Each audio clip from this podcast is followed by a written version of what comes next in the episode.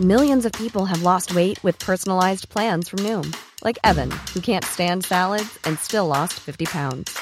Salads, generally, for most people, are the easy button, right? For me, that wasn't an option. I never really was a salad guy. That's just not who I am. But Noom worked for me. Get your personalized plan today at Noom.com.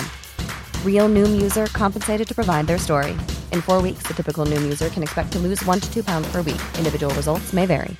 This Mother's Day, celebrate the extraordinary women in your life with a heartfelt gift from Blue Nile. Whether it's for your mom, a mother figure, or yourself as a mom, find that perfect piece to express your love and appreciation. Explore Blue Nile's exquisite pearls and mesmerizing gemstones that she's sure to love. Enjoy fast shipping options like guaranteed free shipping and returns. Make this Mother's Day unforgettable with a piece from Blue Nile. Right now, get up to 50% off at BlueNile.com. That's BlueNile.com. A lot can happen in the next three years. Like a chatbot may be your new best friend. But what won't change? Needing health insurance. United Healthcare Tri Term Medical Plans are available for these changing times.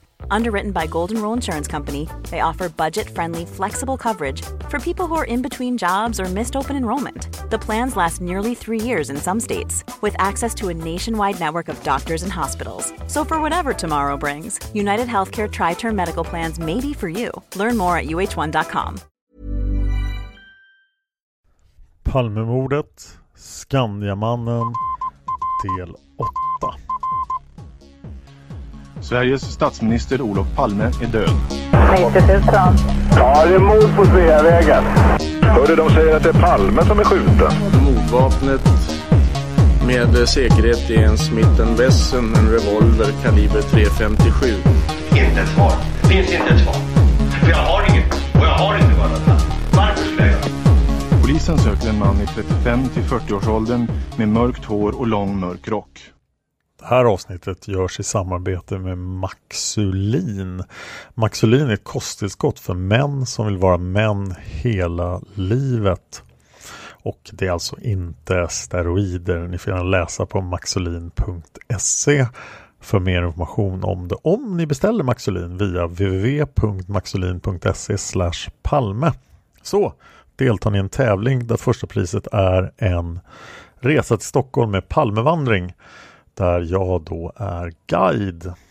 Den här podden görs trots annonsörerna huvudsakligen med hjälp av era pengar. För det är ni som sponsrar podden på patreon.com palmemordet patreon.com palmemordet och är vi över 500 dollar med lite hjälp från Swish så kommer polisspåret den 8 augusti och jag har faktiskt redan gett mig ner i Riksarkivet när ni hör det här om allting har gått som det ska för att gräva fram källmaterial till eh, juristkommissionens rapport. Mer om det senare. För nu ska vi prata om Skandiamannen. I förra avsnittet gick vi igenom tre stycken artiklar från tidningen Filter skrivna av Thomas Pettersson. Thomas Pettersson har enligt uppgift spenderat 12 år med att skriva de här artiklarna eller med att göra research inför de här artiklarna. Han vet säkert massor av mer som han inte har skrivit i de här första sex artiklarna. Vi har bett honom vara med i podden och han är försiktigt positiv. Så jag återkommer så fort han eller hans redaktör ställer upp i podden. Artikel nummer fyra heter Den väl förborgad hemlighet och har vignetten konspirationsteorier, en narcissistisk personlighet och ett socialt motiv. Läs fortsättningen av Den osannolika mördaren. Och då låter det som att de här artiklarna är boken faktiskt som Thomas Pettersson gör reklam för i slutet av varje artikel. Hmm. Artikel nummer fyra börjar med att Thomas Pettersson berättar lite om sin bakgrund för intresset för Palmemordet orsakat av Leif GW Persson faktiskt. Det leder då fram till ett resonemang om Palmehatet speciellt från eh, Försvarsmakten, officerare inom Stockholms kustartilleri. I riksdagsvalet får ju då Socialdemokraterna 1985 44,7 procent av rösterna. Så Olof Palme är statsminister i tre år till. I november 1985 kommer Hans von Hofsten och hans 11 andra marinofficerare, eller 12 andra marinofficerare, oklart, Eh, och publicerar en artikel då som visar direkt misstro mot Olof Palme. Det finns fientliga strömningar inom hemvärnet Och eh, söndagen den 16 februari håller kommendörkapten von Hofsten ett uppmärksammat föredrag där han konstaterar följande. Sverige stod inför ett akut hot om en sovjetisk invasion. Fosterlandsvänner och alla grupperingar oroar sig för Palmes Moskvaresa i april. Ja, vart efter Thomas Pettersson blev mer intresserad och läste han granskningskommissionens rapport, vilket ju alla bör göra. Och han läste om rättegångarna mot Christer Pettersson. Och där kommer han också in på Stay Behind. Och han gör då kopplingen mellan Skandia och Stay Behind och sen säger Thomas Pettersson citat På Skandia fanns Stig E. Som grafiker på försäkringsbolaget var han en möjlig medlem av den gren inom Stay Behind som skulle syssla med psykologisk krigsföring. 2011 försökte Thomas Pettersson intervjua Palmeutredningens dåvarande chef Stig Edqvist Eh, först lovade Stig Edqvist att ställa upp på en intervju om Skandiamannen men när han fick se frågorna ställdes intervjun in. Samma år, 2011, gav Anders Jalaj ut sin bok Landsförrädaren. Anders Jalaj skriver alltså spänningsromaner som bygger på verkliga personer och händelser och gärningsmannen i Landsförrädaren är då en lätt förklädd Stig E, säger Filter och Thomas Pettersson. Och där har Stig E uppdrag av en paramilitär grupp att eliminera Olof Palme innan statsbesöket i Moskva. Så Thomas Pettersson gav sig in och letade efter folk i det här underrättelsenätverken. Folk i grupp Barbro eller grupp Lennart som vi egentligen inte har pratat så jättemycket om i den här podden än. Men det kommer vi att göra. Tydligen fick han höra följande citat från en medlem i grupp Barbro. Palme, den jäveln skulle ha dinglat långt före 1986. Men eh, sen fortsatte Thomas Pettersson leta efter kopplingar mellan Skandiamannen och de här underrättelseorganisationerna eller Stay Behind. Och han kartlade människor som hade jobbat på Skandia samtidigt som Skandiamannen.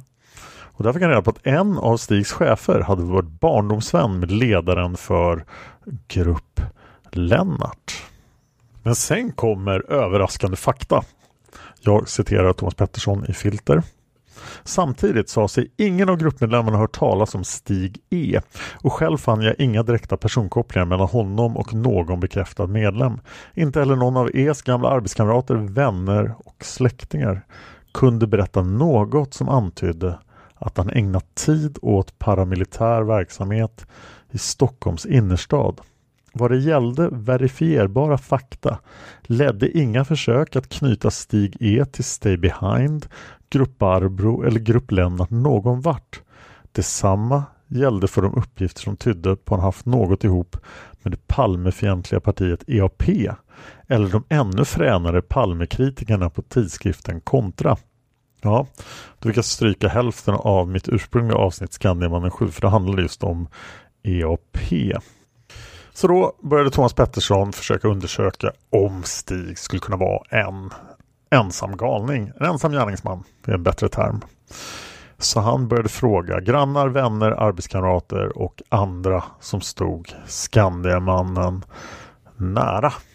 Och här kommer också i artikel nummer 4 eh, en recap av Skandiamannens bakgrund. Det finns faktiskt lite mer information än vad som står i Lars Larssons bok som jag har refererat många gånger. Men det får ni läsa i Filter. Några saker vill jag nämna. 1951 började Stig på Sigtuna stiftelsens humanistiska läroverk. Bara fyra år efter att Olof Palme tagit studentexamen på samma internatskola. Skolarbetet gick sisådär för Stig, men umgänget med klasskamrater som hette Reuterswärd, Streifert och Anjo gav känsla för klass och stil och tydligen var Stig en som kunde föra sig bland finare folk. Han gjorde lumpen på Kronobergs regemente i Växjö. Där blev han plutonchef inom infanteriet och erhöll goda betyg. Och de betygen har jag sett. Det var en del av det vi hade hittat då inför Skandiamannen del 7 ursprungligen. Och i artikeln tecknar Thomas Pettersson ett porträtt av Stig som lyder som följer. Ett oändligt bekräftelsebehov, känslan av att vara kapabel utan att bli erkänd, Lägg därtill en vana att leva över de egna tillgångarna, något som ofta blir kostsamt för det gemensamma hushållet. Till karaktärsdragen hörde också en viss rigiditet. Om man ansåg sig ha rätt i en sak eller i en ståndpunkt bet Stig sig fast. Oavsett om det var en process som en felaktig elräkning eller en politisk uppfattning. Det stora fritidsintresset var politiken. Moderaten Stig E avancerade från att hjälpa partiet med informationsmaterial till enkla förtroendeuppdrag. 1982 blev han medlem av den lokala partistyrelsen och 1984 erhöll han en ordinarie plats i Täby kommunalfullmäktige. Täby var ett av de starkaste moderatfästena i landet och 1984 ville partiet lägga ner en skola i området Ytterby. Stig E råkade bo granne med ordföranden i den lokala Hem och skolaföreningen. Och Stig lät sig övertalas att skolan borde vara kvar. Både Dagens Nyheter och Expressen plockade upp frågan och Stig njöt av uppmärksamheten och rollen som populär försvarare av en angelägen sak. Skolan fick vara kvar, men Stig, som till en början ensam fronderat mot partilinjen och Täbys kommunalråd, blev avpoliterad. Hem och skolaföreningens ordförande kommenterar Stig fick ju bli hjälte för de som vill ha skolan kvar. Däremot tror jag inte han tänkte på att han gjorde sig omöjlig inom partiet. Palme var allmänt avskydd i Täby då och eh, Stigs exfru kommenterar följande.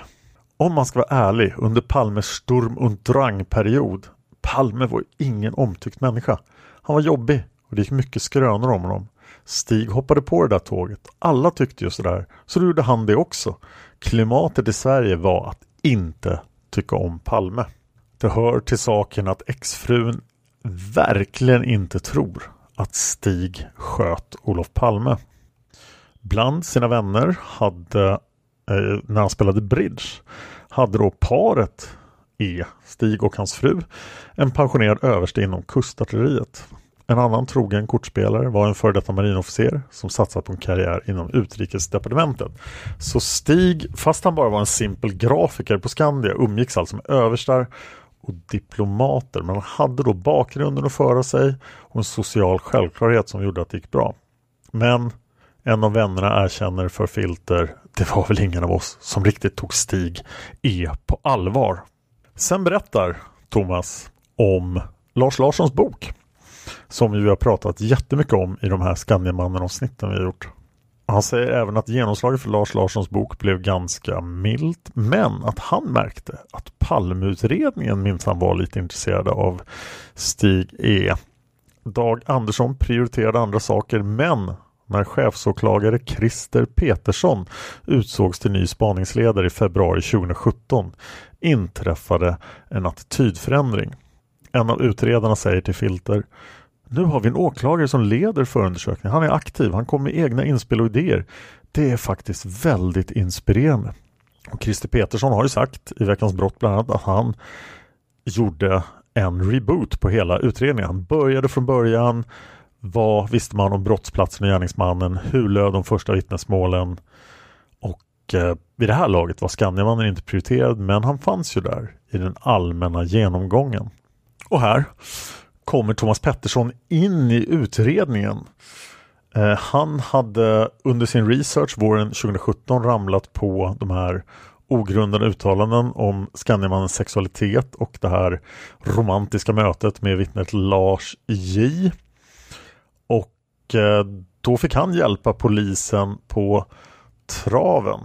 Och de tillsammans hittade gammalt utredningsmaterial som tydde på att Skandiamannen hade varit ett ämne för funderingar och diskussioner i långt större utsträckning än vad som varit känt tidigare. Och de insåg då att det var Håkan Ströms, polisinspektören och hans insatser som hade lett till att Skandiamannen hade avförts och att det hade fått det konstiga uttalandet då att Skandiamannen var varande på brottsplatsen men att han inte var aktuell. Eh, och så här säger Thomas Pettersson. För första gången fick jag nu ta del av detta material som tidigare varit belagt med förundersökningssekretess. Det tog mig bara några timmar att upptäcka alla misstag om felaktigheterna kring fotokonfrontationen med Yvonne och att BMW-ägaren förväxlats med Stig E.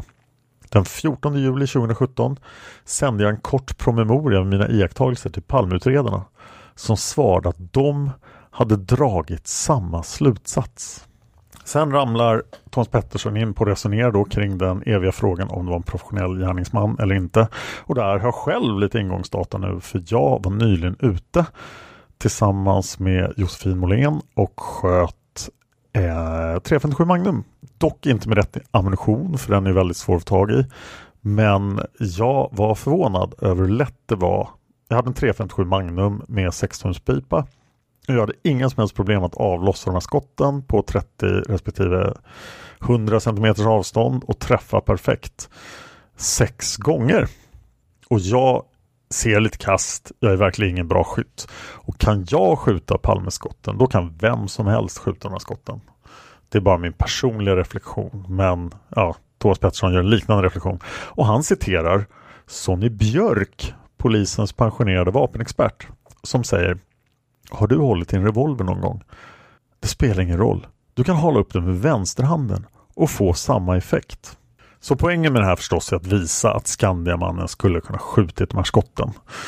Sen ger sig ju Thomas Pettersson in då på jakten efter varifrån kommer vapnet? Hur kan Skandiamannen ha fått tag på ett vapen? Och de två stora hålen i teorin om att Skandiamannen är Palmes mördare har ju alltid varit var, han har ingen vapenvana och han har inget vapen. Det är ju samma problem som med Christer Pettersson. Men nu vill Filter hävda då att de har löst de här problemen. Det finns andra problem kvar med Skandiamannen förstås. Men det här är två väldigt stora problem som då Filter ger sig på att lösa. Och det är här då vapensamlaren dyker upp. Eh, och den här vapensamlaren dök inte upp lätt men till slut hittar Thomas Pettersson en vapensamlare som har då en rätt stor vapensamling enligt en kontakt. Han var inte så känd i samlarkretsar men hade visst många fina revolver, modell Colt bland annat.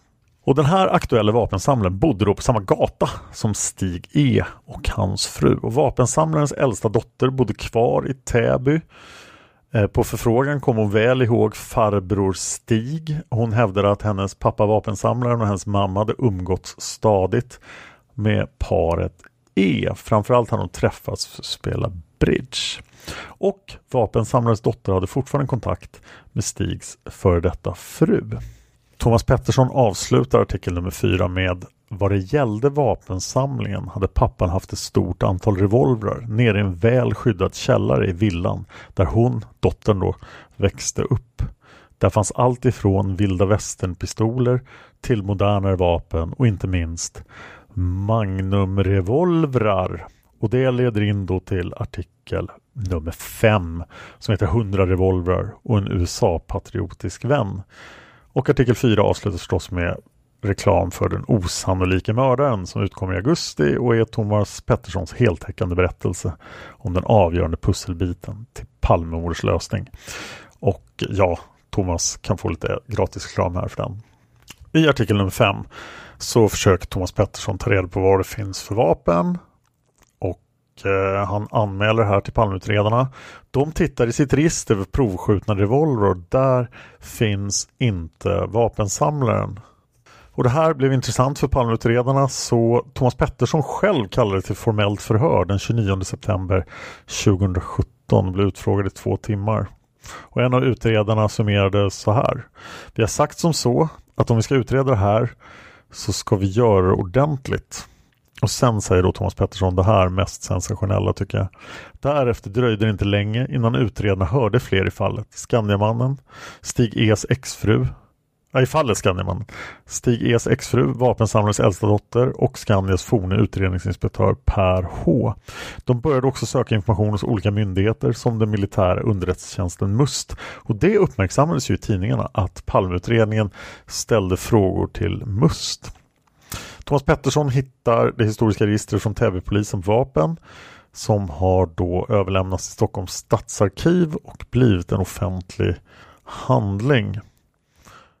Där hittar Thomas Pettersson informationen att den här vapensamlaren har sökt licens för 37 revolvrar. Fem revolvrar av dem stämmer med den aktuella ammunitionen. De kan alltså skjuta 357 pansarbrytande ammunition.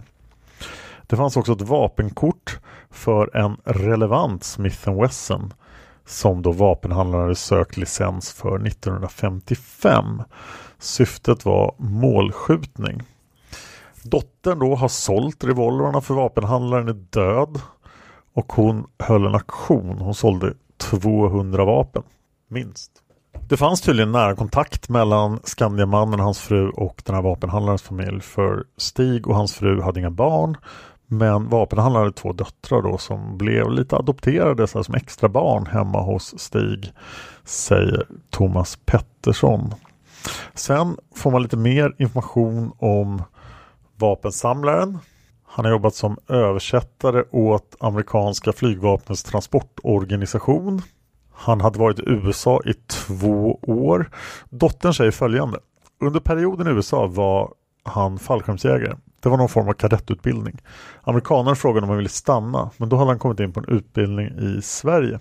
Och han blev mycket riktigt fänrik 1952. Han var medlem av Sveaorden, liksom en svensk-amerikansk förening. Vapensamlare blev senare direktör för ett företag som exporterade skogsprodukter vilket innebar otaliga försäljningsresor västerut. Han var så pro-amerikansk så det var nästan töntigt, säger dottern. Vietnamkriget var jättebra. Han var verkligen true blue. Stig ska tydligen också ha haft reumatism samt varit då synligt alkoholpåverkad när han kom tillbaka till Skandia klockan 21. Alla närstående hävdade att Stig E varit totalt ointresserad av vapen.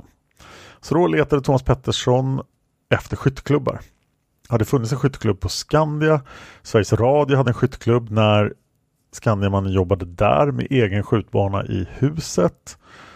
Krigsarkivet fanns det oändliga förteckningar över historiskt material och Försvarets materialverk. Eh, sammanlagt åtta boxar rymde handlingar om föregången armétygsförvaltningens skytteklubb. Stig hade jobbat vid armétygsförvaltningen innan han jobbade på radion. Och en av pärmarna, en av boxarna handlade om handlingar avseende pistolskytte. Och där hittar Thomas Pettersson Stig Folke Wilhelm E. Och notiser om att han har både tränat och tävlat i pistolskytte. Så då har Skandiamannen både vapenvana och tillgång till vapen från den här grannen. Den sjätte artikeln är bara källmaterial till de fem andra artiklarna. Så nu måste vi vänta på Thomas Petterssons bok och se om den innehåller något mer. Men har Thomas Pettersson rätt? Är Skandiamannen Palmeutredningens nya huvudspår? Nu tänkte jag ägna en del tid åt att studera reaktioner på den här artikelserien. Lars Borgnäs som ju var med i Walkie Talkie avsnitten här i podden har skrivit ett debattinlägg som har publicerats av flera mediekällor. Jag ser det nu på SVT. Eh, och ingressen är följande. Filters artikel tar fram intressanta nya fakta men de tycks ha gått i den fälla som innebär att man utan tillräckligt underlag frestas att peka ut och namnge en mördare. Det garanterar ett brett genomslag men sant är det dock knappast. Och i artikeln berättar Borgnäs mera. Bland annat säger han Skandiamannen var utan tvekan nära mordplatsen när skotten föll och han har med säkerhet ljugit om vad han gjorde där. Att han var bland de första vid Palmes kropp, att han hjälpte till med räddningsförsöken, att han talade med Lisbeth Palme. Men det... Ready to pop the question? The jewelers at BlueNile.com have got sparkle down to a science with beautiful lab-grown diamonds worthy of your most brilliant moments. Their lab-grown diamonds are independently graded and guaranteed identical to natural diamonds, and they're ready to ship to your door. Go to BlueNile.com and use promo code LISTEN to get $50 off your purchase of $500 or more. That's code LISTEN at BlueNile.com for $50 off. BlueNile.com code LISTEN. If you thought the only way to get a more defined jawline with natural looking results was through surgery, think again. Juvederm Volux XC is a non surgical injectable gel filler that improves moderate to severe loss of jawline definition and can help you achieve natural looking results with little downtime. Even better, this improved definition lasts up to one year with optimal treatment. No maintenance required. Improve jawline definition for a smooth, sculpted look with Juvederm Volux XC. For important safety information and to find a licensed specialist, visit juvederm.com. That's J U V E D E R M.com. Not for people with severe allergic reactions, allergies to lidocaine, or the proteins used in Juvederm. Common side effects include injection site redness, swelling, pain, tenderness, firmness, lumps, bumps, bruising, discoloration, or itching. There's a risk of unintentional injection into a blood vessel, which can cause vision abnormalities, blindness, stroke, temporary scabs, or scarring. Talk to a licensed specialist to find out if it's right for you. Millions of people have lost weight with personalized plans from Noom, like Evan, who can't stand salads and still lost 50 pounds. Salads, generally, for most people, are the easy button, right? For me, that wasn't an option. I never really was a salad guy. That's just not who I am. But Noom worked for me. Get your personalized plan today at Noom.com. Real Noom user compensated to provide their story. In four weeks, the typical Noom user can expect to lose one to two pounds per week. Individual results may vary. Det betyder inte att det var Skandiamannen som sköt. De omständigheter Filter för fram som bevis räcker inte för att peka ut Skandiamannen som mördare. Och då säger Borgnäs, där begår tidskriften ett övergrepp. Visst, uppgifterna att han tidigt i livet hade hanterat skjutvapen och kände en person som förfogade över många revolver är intressanta. Liksom att han umgicks i Palmefientliga moderatkretsar i Täby. Men de knyter honom på intet sätt till mordet. Motargumenten är starka. Borgnäs fortsätter. Han stämmer dåligt in på mordsplatsvittnenas signalement på mördaren. Inte minst gäller det Lisbeth Palme vars bestämda utpekande av Christer Pettersson. Han stämmer på min beskrivning. Har varit grundbulten i både rättegångar och utredningsarbete. För Borgnäs påpekar då att eh, de inte är särskilt lika. Och eh, ja, Lisbeth Palme är förstås ett problem för alla andra gärningsmän än Christer Pettersson. Borgnäs säger vidare Jag har granskat mordet och utredning av det sedan det hände och min syn på Skandiamannens roll är en annan. Han befann sig utan tvekan nära mordplatsen. Det kan mycket väl ha varit han, snarare än mördaren, som efteråt såg springa upp för trapporna till Brunkebergsåsen med keps på huvudet och en liten väska i handen. Kanske hade han observerat mordet på avstånd, men Skandiamannen hade inte skjutit. Allt för mycket talar emot honom som gärningsman och allt för lite talar för. Och sen påpekar Borgnäs någonting som väldigt många tagit fasta på för som sagt många har reagerat väldigt negativt på den här artikelserien. Och det är då den stora frågan. Och det största eh, största invändningen mot Skandiamannen som mördare idag tycker jag nog. Hur ska Stig E utan att ha varit del av en större sammanhang har vetat att paret Palme skulle komma gående utanför hans arbetsplats i Skandiahuset så han kunde gå ut ur entrén bara sekunderna innan de passerade på en sida av Sveavägen där de inte kunde förväntas komma på sin promenad från bion. Borgnäs avslutar hela artikeln med vad han egentligen hade för sig nära mordplatsen där kvällen förtjänar att granskas för det kan leda närmare en lösning. Även Leif GW Persson har reagerat eh, på den här saken förstås. Han är väldigt intresserad av Palmemordet och ja, vi vill ha honom som gäst i podden. Berätta hur vi får tag i honom så ska vi få tag i honom. Vi har inte lyckats hittills. Eh, Leif GW Persson skriver i Expressen den 27 maj. Följande är ingressen. I veckan som gick fick vi en ny Palmemördare, Skandiamannen. Och i utredningen har han funnits med sedan den första timmen. Men sådana som han saknas inte. Genom åren har polisen samlat in uppgifter om drygt 11 000 män som pekats ut som den som mördade Olof Palme. Högst en av dem kan ha skjutit honom. Leif GW konstaterar att han har fått massor av frågor om Skandiamannen och vad han tror om Skandiamannen och han svarar Jag vet inte. Det enda jag vet är vad som är bra och dåligt med honom som tänkbar gärningsman. Leif GW säger också att till skillnad från de flesta som pekats ut kan Skandiamannen knytas till brottsplatsen vid tidpunkten för mordet. Och det är en fantastiskt viktig skillnad. Tänk på hur många hur, hur lös kopplingen är för Viktor Gunnarsson och Christer Pettersson till exempel till mordplatsen. Men Stig är ju faktiskt där. Han har motiv, han har vapen och han är på plats. Och det kan man ju faktiskt inte säga om någon annan tänkbar gärningsman ni får gärna säga emot i kommentarerna. Leif G Persson säger också Det första signalementet på gärningsmannen som polisen gick ut med stämmer väl på Skandiamannen. Detta signalement kommer sedan att ändras. Mordutredarna köpte honom aldrig som gärningsman och skälen till detta var främst två. Man tyckte att Skandiamannen var fel typ och därför bestämmer man sig tidigt för att han är ett både otillförlitligt och besvärligt vittne. Dessutom hade de andra personer som man var mer intresserad av. Först den så kallade 33-åringen och sedan det så kallade kurdspåret. Och eh, förstås Christer Pettersson, men han nämner faktiskt inte Christer Pettersson. Eh, Leif summerar också vad som har kommit fram.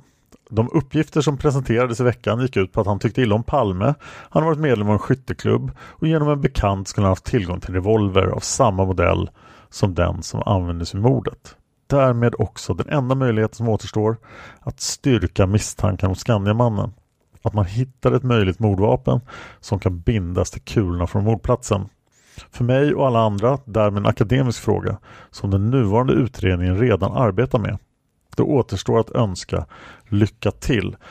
Och här kommer då en väldigt viktig punkt. Om den är sann så kan allting ställas i ett helt annat ljus. För Palmutredningen ska då ha letat efter de här fem revolverna i vapensamlingen och om de lyckas hitta dem då så blir de ju provskjutna.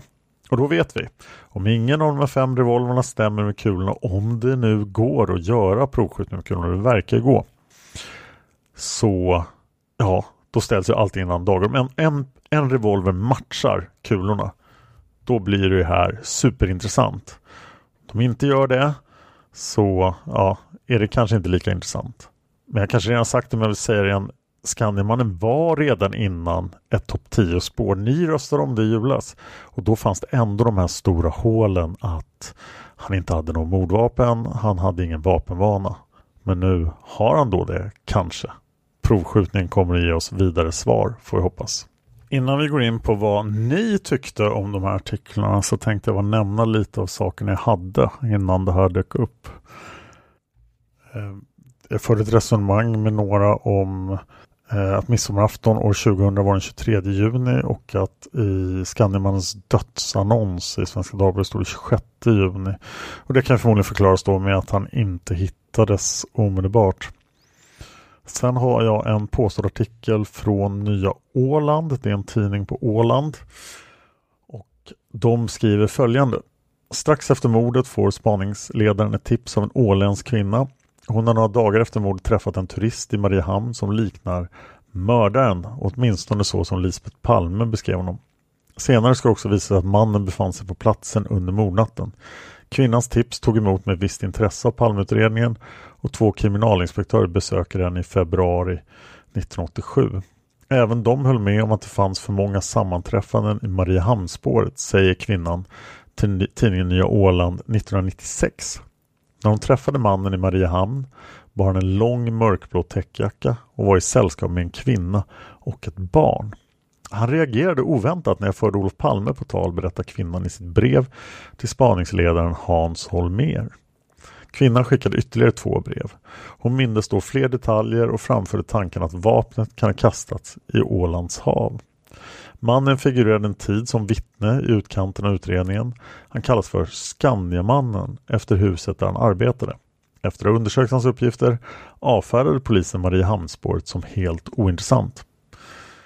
Han fanns på platsen under mordnatten men det är också allt, sa spaningsledaren Hans Ölvebro till Nya Åland i februari 1996. Och den här kvinnan har jag fått ett namn på, hon heter Margareta P. Eh, det fanns mera rykten från Åland, att det fanns det här tryckeriet, lite information om det med, den tryckte verkligen EAP-tidningen där. Sven Anér har ju pratat ganska mycket om Skandiamannen i sina böcker. Det går mest ut på att eh, Stay Behind inblandade. Då. Det var också många som eh, snöade in på Per H. Han var polis sex månader innan mordet och senare fick han jobb på Vinge Integrated Protection, alltså före detta Säpochefens PG Vinges bolag. Han som inte alls tyckte bra om Olof Palme. Per H ska även ha jobbat på Säpo 1967 till 1980. Och det här ledde till följande underliga uppgift. Sex månader före mordet på Olof Palme flyger fem personer till Zürich, ett okänt ärende. En av dem är Per H. Varför Zürich? För i Zürich finns just vid denna tidpunkt en brittisk före detta officer, kanske major Bob Wilson, representant för det Zürichbaserade AI Services, central för några hundratals miljoner i mutpengar från Bofors till indiska höjdare. Men källan till det här är då Palmenytt, alltså Sven Anérs tidning. Många har också pekat på att i Henrys vittnesmål, väktaren Henry, så stämplar ju Stig E in sitt kort och sen pratar de i några minuter. Henry säger att han och Stig samtalade flera minuter och att Stig måste ha dragit tidkortet innan de började samtala. Och det här är jättekonstigt då. Då måste ju Stig ha kommit ut långt efter mordet. Men det stämmer inte med de övriga uppgifterna vi har från Skandia. Men på den uppgiften, om den stämmer, då kan ju Stig inte vara gärningsman. Till sist var jag tvungen att gå till mina favoritmänniskor, det vill säga er och fråga er vad ni tyckte om Filters artikel och eh, de här nya uppgifterna. Och den första som svarade av er var Gordon Granberg. Han sa nytt är väl ett att Skandiamannen gått någon typ av skytteskola, varit med i en skytteklubb långt tidigare. Två att grannen och vännen ägde ett antal vapen, bland annat vapen som passar in vad man tror var vapenmodellen som gärningsmannen använde. Och tre, polisen provskjuter dessa vapen som man spårat efter att de sålts. Resten är gammal info man kunnat hitta i andra böcker. Jag måste ändå lägga till att Filter har en väldigt självsäker ton, nästan som om de vet mer. Eventuellt kan man spekulera, men inte mer, i att de fått träff på ett av vapnen och att man nu låter utländsk polismyndighet göra om testet. Jag har alltid haft respekt för filter. Ofta väldigt genomarbetade artiklar och enligt min åsikt noggranna. Stefan Andersson säger känns inte som något nytt kom fram direkt men intressant med det stora mediepådraget helt plötsligt.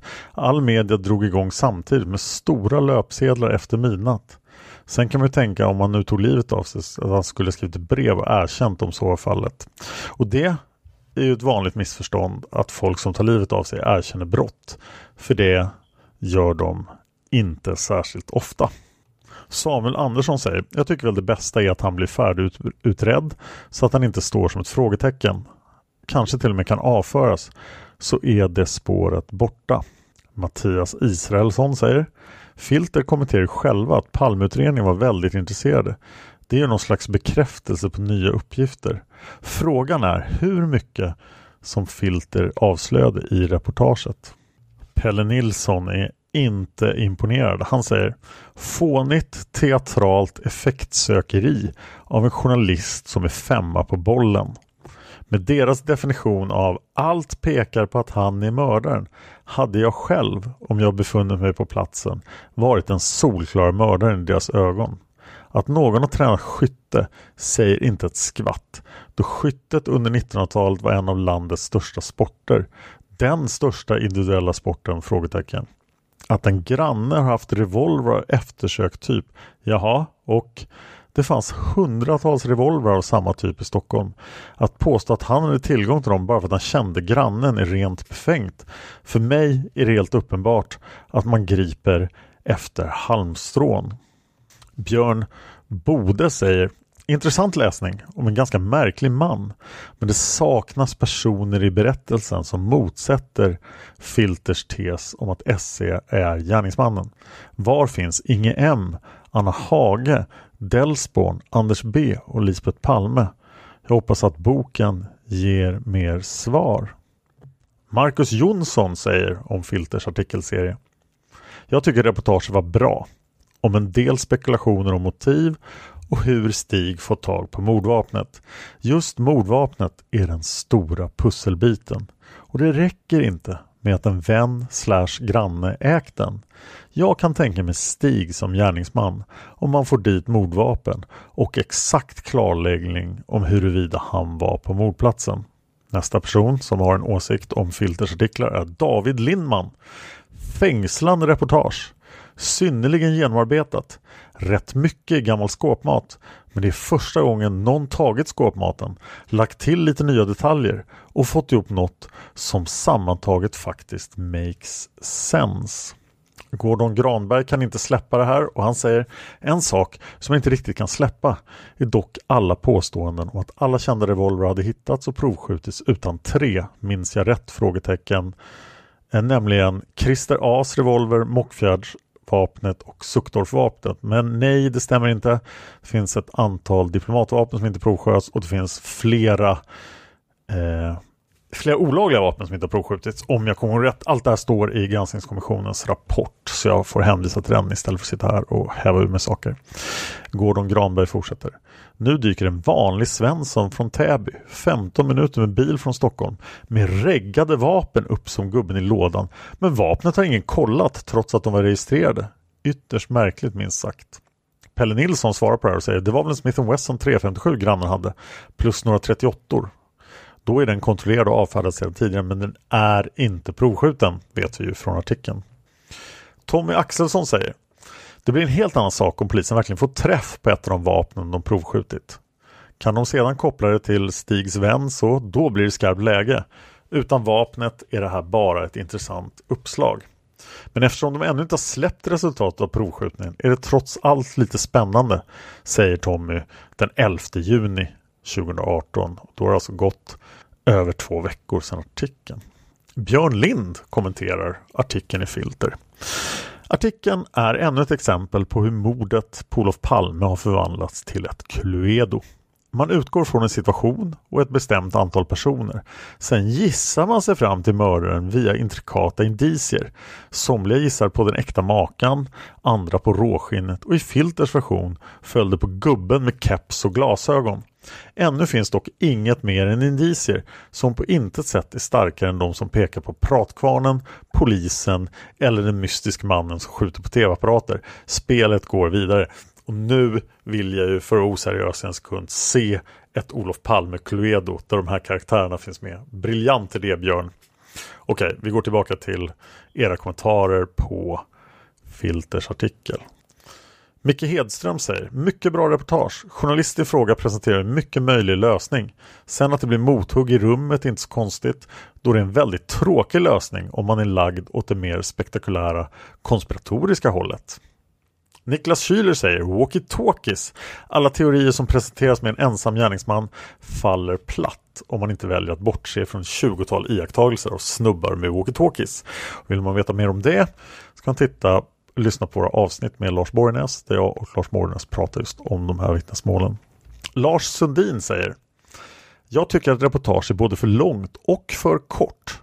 Det är en onödigt lång genomgång om man bara vill lägga fram skopet om Skandiamannen.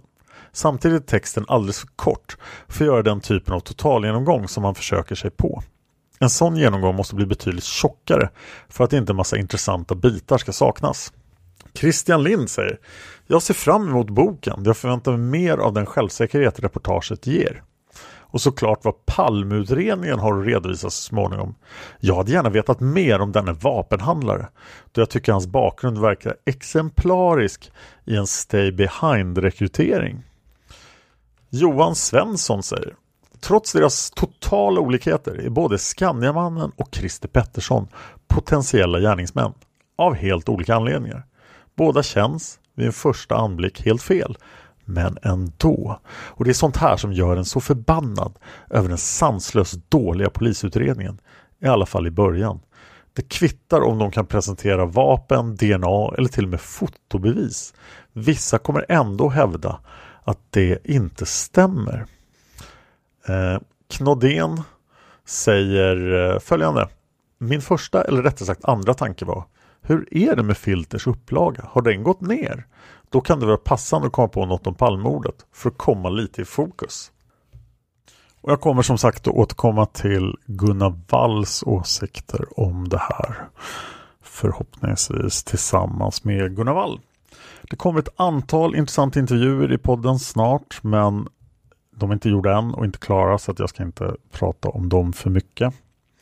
Jag tänkte nämna lite mer om tävlingsreglerna i den här Maxulin-tävlingen. Alltså man köper www.maxulin.se palme. Och om man där köper Maxulin, då är man alltså med i tävlingen. Och det fungerar följande. Tävlingen går också med en andra podd, Seriemördarpodden. Det finns tre vinnare från varje podd. Men ni är färre lyssnare här på Palmemordet så ni har större chans att vinna. Den 3 december kommer tre tävlande att dras och de får med i en tävling där de får en fråga. Om de hinner svara rätt inom 72 timmar när de får frågan så vinner ni då och priset är en Palmevandring. Den här Palmevandringen sker den 14 december. Så att ni måste ha möjlighet att komma till Stockholm fredagen den 14 december. Det här datumet kan komma att ändras senare men jag ska försöka inte ändra det. Jag ska se till att det blir den 14 december. Eh, det går inte att byta ut vinsterna mot någon ekonomisk motsvarighet då. Och det kommer då vara sex deltagare. Eventuellt kommer det att vara eh, fotograf och kanske tv-team där också på Falmevandringen. Men det återkommer jag till till de tävlande om det händer. Så det är reglerna för Maxulin-tävlingen. Palmemordet finns på Youtube. Där finns massa avsnitt. Jag vet att många av er lyssnar på Youtube på Palmemordet och det tackar jag för. Det kan bli så att avsnitten på Youtube slutar. Eh, men jag återkommer till det i så fall. Tills vidare finns Palmemordet på Youtube. Eh, jag finns på Twitter som Dan Horning och på Instagram som Dan Hörning får ni gärna följa. Där kan ni se alla mina projekt. Eh, Seriemördarpodden, Massmördarpodden som finns på podmi.com där jag pratar om massmördare och deras hemska dåd. Nyligen tog jag upp Eh, massakern på McDonalds i San Isidro i San Diego eh, 1984. Otroligt hemsk händelse. Och eh, den 23 juni 2018 kommer jag ta upp Villiska-massakern, ett fruktansvärt yxmord. Jag gör även en historisk podd som heter Fan of History. Där på engelska pratar om eh, ja, diverse historiska ämnen. Gärna väldigt gammal historia för sånt tycker jag är roligt. Jag gör Sagan om Isfolket-podden där jag tillsammans med Anna Erlandsson pratar om Margit Sandmos bokserie Sagan om Isfolket och hennes eh, senare bokserie också. Nu är vi klara med Sagan om Isfolket och går vidare. Så kolla gärna in dem. Eh, det mesta interaktionen med lyssnare sker på patreon.com palmemordet eller på Facebook på Palmemordet. Tack för att ni lyssnar. Man hittar Palmes mördare om man följer PKK-spåret till botten. För att ända sedan Julius Caesars tid har det aldrig hört talas om ett mord på en framstående politiker som inte haft politiska skäl. Polisens och åklagarens teori var att han ensam hade skjutit Olof Palme. Och det ledde också till rättegång. Men han frikändes i hovrätten. Nu ska vi ut och röva, trodde jag. Vi ska ut och röva. Want flexibility? Take yoga. Want flexibility with your health insurance? Check out United Healthcare Insurance Plans. Underwritten by Golden Rule Insurance Company, they offer flexible, budget friendly medical, dental, and vision coverage that may be right for you. More at uh1.com. Hi, I'm Daniel, founder of Pretty Litter. Cats and cat owners deserve better than any old fashioned litter. That's why I teamed up with scientists and veterinarians to create Pretty Litter. Its innovative crystal formula has superior odor control and weighs up to 80% less than clay litter. Pretty Litter even monitors health by changing colors to help detect early signs of potential illness. It's the world's smartest kitty litter. Go to prettylitter.com and use code ACAST for 20% off your first order and a free cat toy. Terms and conditions apply. See site for details. Planning for your next trip? Elevate your travel style with Quince. Quince has all the jet setting essentials you'll want for your next getaway, like European linen, premium luggage options, buttery soft Italian leather bags, and so much more and is all priced at 50 to 80% less than similar brands. Plus, Quince only works with factories that use safe and ethical manufacturing practices. Pack your bags with high-quality essentials you'll be wearing for vacations to come with Quince. Go to quince.com/pack for free shipping and 365-day returns.